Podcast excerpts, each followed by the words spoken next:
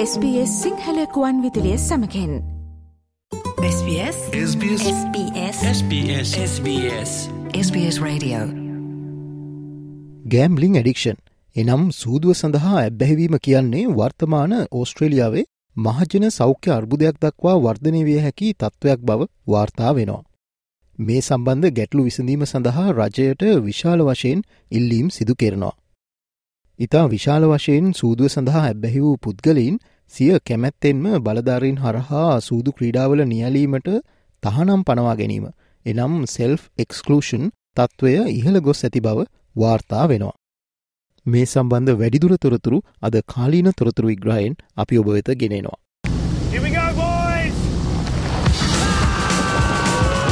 And that's your sports footy. Yeah, football. What do you mean by football? Tab. We're on. අන්තර්ජාලය හරහා සිදුවන ඔට්ටු ඇල්ලීම් එනම් online බෙටින් පසුගිය වසර කිහිපේ තුළ ඉතා ඉහළ ගොස් තිබෙනවා.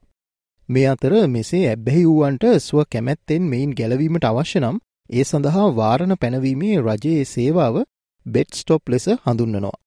දුරකතන හා ඔන්ලයින් මාර්ගයෙන් මෙසේ සූදු ක්‍රීඩා කරන පුද්ගලයින් ස්ව කැමැත්තෙන්ම සිදුකරන ඉල්ලීමක් මත එක් පියවරකින් මෙම වෙබ් අඩවි සහ ඇප් සමඟ සම්බන්ධවීම වැලැක්වීමේ හැකියාව බෙට් ස්ටොප් සේවාව සතුවෙනවා. කෙසේ වුවත් මේ වන විට දහට දාහකට වඩා වැඩි ඔස්ට්‍රේලියනුවන් සිය කැමැත්තෙන් සූදු ක්‍රීඩා සඳහා වාරණයක් පනවා ගැනීම සඳහා බෙට් ස්ටොප් සමඟ ලියාපදිංචි වී තිබෙනවා. මෙසේ ලියාපදිංචි වූ අයගෙන් වැඩි පිරිස වයසවුරුදු හතලිහිට අඩු පුද්ගලයින් වෙන බව වාර්තා වෙනවා. බෙට්ස්ටොප් වැඩපිළිවෙලේ දකින්නට ලැබෙන ඉහළ ජනප්‍රියත්වය අගේ කළ යුතු බව මධ්‍යම රජයේ සමාජ සේවා අමාත්‍යවරිය වන ඇමැන්ඩා රිශ්වත් පවස්සනවා. මේ සමග ක්‍රියාත්මක වන අනන්‍යතාවය පිරික්සීමේ වැඩපිළිවෙල හේතුවෙන් සොයං තහනමක් පනවාගෙන ඇති පුද්ගලයින් සූදුව සඳහා වෙනත් විකල්ප වෙත යොමුවීම වැලකෙන බව ඇය වැඩිදුරටත් පවසා සිටියා. මෙහිදී විශාල වශයෙන් පුද්ගලීන් සූදුවට ඇබැහිවීමෙන් ගැලවීමට මෙසේ බෙත්ස්ටොප් සමඟ එකතුවන අති බහුතරය තරුණ ඔස්ට්‍රේලියන් වන් බව ඩීකින් විශ්වවිද්‍යාලයේ මහාචාරය සැමැන්තා තෝමස් පවසනවා. මෙසේ තරුණ ඔස්ට්‍රේලියනුවන් සූදුවලට ඇබැහිවී තිබීම ඉතා අවදානම් තත්ත්වයක් බවත් රජය මේ සම්බන්ධයෙන් වැඩි අවධානයක් යොමු කළ යුතු බවත් සැමැන්තා වැඩිදුරටත් පවසා සිටියා. The concerning thing about the figures that we've seen today is not just the volume of people that are self excluding, but the percentage of those that are younger adults. This shows that we actually have a public health crisis with our younger people, and the government needs to do more to step up to protect them. සූදු ක්‍රීඩා සම්බන්ධයෙන් පවතින වෙළඳ ප්‍රචාරණ දැන්වීම් සඳහා සීමා පැනවීම හෝ සම්පූර්ණයෙන්ම තහනම් කිරීම වැනි ක්‍රමවේදයකට රජය යොමු යුතු බව බොහෝ දෙනාගේ මතය වී ඇති බව මහාචාර්ය තෝමස් පවසා සිටියා. We also know that these products can cause a huge amount of harm. Really stepping up and the government placing big restrictions on marketing and advertising, and even a complete ban, um, is generally recognised by public health experts, by the community, and most importantly by young people themselves as something that we need to do to prevent that harm from occurring. සූදුවට ඇබැහිවීමේ හානිය බහු සංස්කෘතික ප්‍රජාවන්ටද දැනී තිබෙනවා. ඔස්ට්‍රේලයානු වියට්නාම කාන්තා සංගමය උපදේශන කණ්ඩෑම් නායිකා වශයෙන් කටයුතු කරන and බූයි වසර දෙකක් පුරාවට සූදුවට ඇබැහිව් අය සමඟ කටයුතු කරනවා.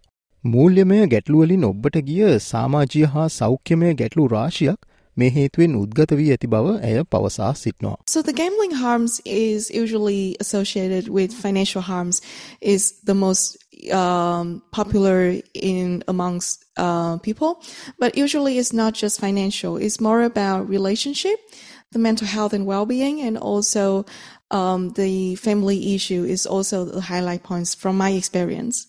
Chinese පිය කනෙක්ෂන් වැඩසටහනේ කෙවින් චෑන්ද ඔහුගේ ප්‍රජාව තුළ සූදු ක්‍රීඩා සම්බන්ධයෙන් නව ප්‍රවණතාවක් දක්නට ලැබෙන බව පවසනවා.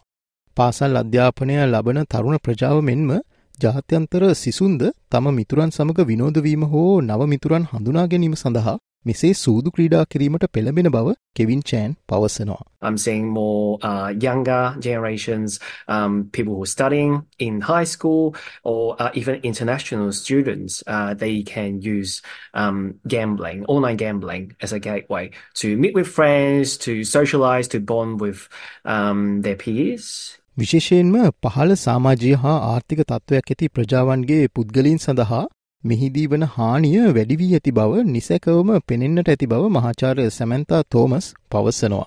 කෙසෙව්වත් සූදු ක්‍රීඩාව කර්මාන්තයක් ලෙස මෙම ප්‍රජාවන්ගේ පවතින දුර්වලතා තම වාසිය සඳහා භාවිතා කිරීම කනස්සල්ලට කාරණයක් බව මහාචාර්ය සැමන්තා වැඩිදුරටත් පවසා සිටියා. One of the things we know about gambling harm and the gambling industry is that they don't discriminate.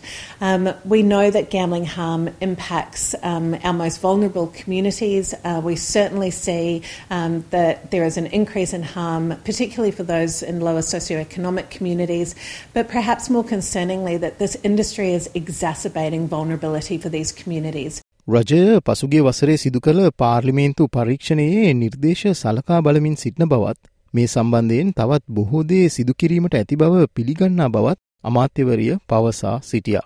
මේ අතර සූදුවට ඇබ්බැහිවීම හේතුවෙන් දැඩි මූල්‍යමය අසීරුතාවකට පත්වී ඇති ඕනෑම කෙනෙකුට උපදේශන සේවා ලබාදීම සඳහා කර්මාන්තයක් වශයෙන් තමන් ඩොල මිලියන ගණනක් යොදවා ඇති බව සූදු ක්‍රීඩා මෙහේවන ආයතන පවසනවා. ඔස්ට්‍රලියාවේ නවතම ප්‍රෘති සහ කාලීන තොරතුරු රැගත් අපගේ ගුවන් විදුලි විශේෂංගවලට පසුව සවන් දෙන්න www.sbs.com.au/ සිංහල යන අපගේ වෙබ් අඩවියේ පහලින් නැති කාලීන ලෙස නම් කොට තිබෙන වෙබ් පිටුවට පිවිසන්න. SBS SBS SBS SBS SBS SBS Radio මේ වගේ තවත්තොරතුරු දැනගන්න කැමතිද. එහමනම් Apple podcast Google podcast Spotify ඔබගේ පොඩ්කාස්ට ලබාගන්න ඕනෑම මාතයකින් අපට සවන්දය හැකේ.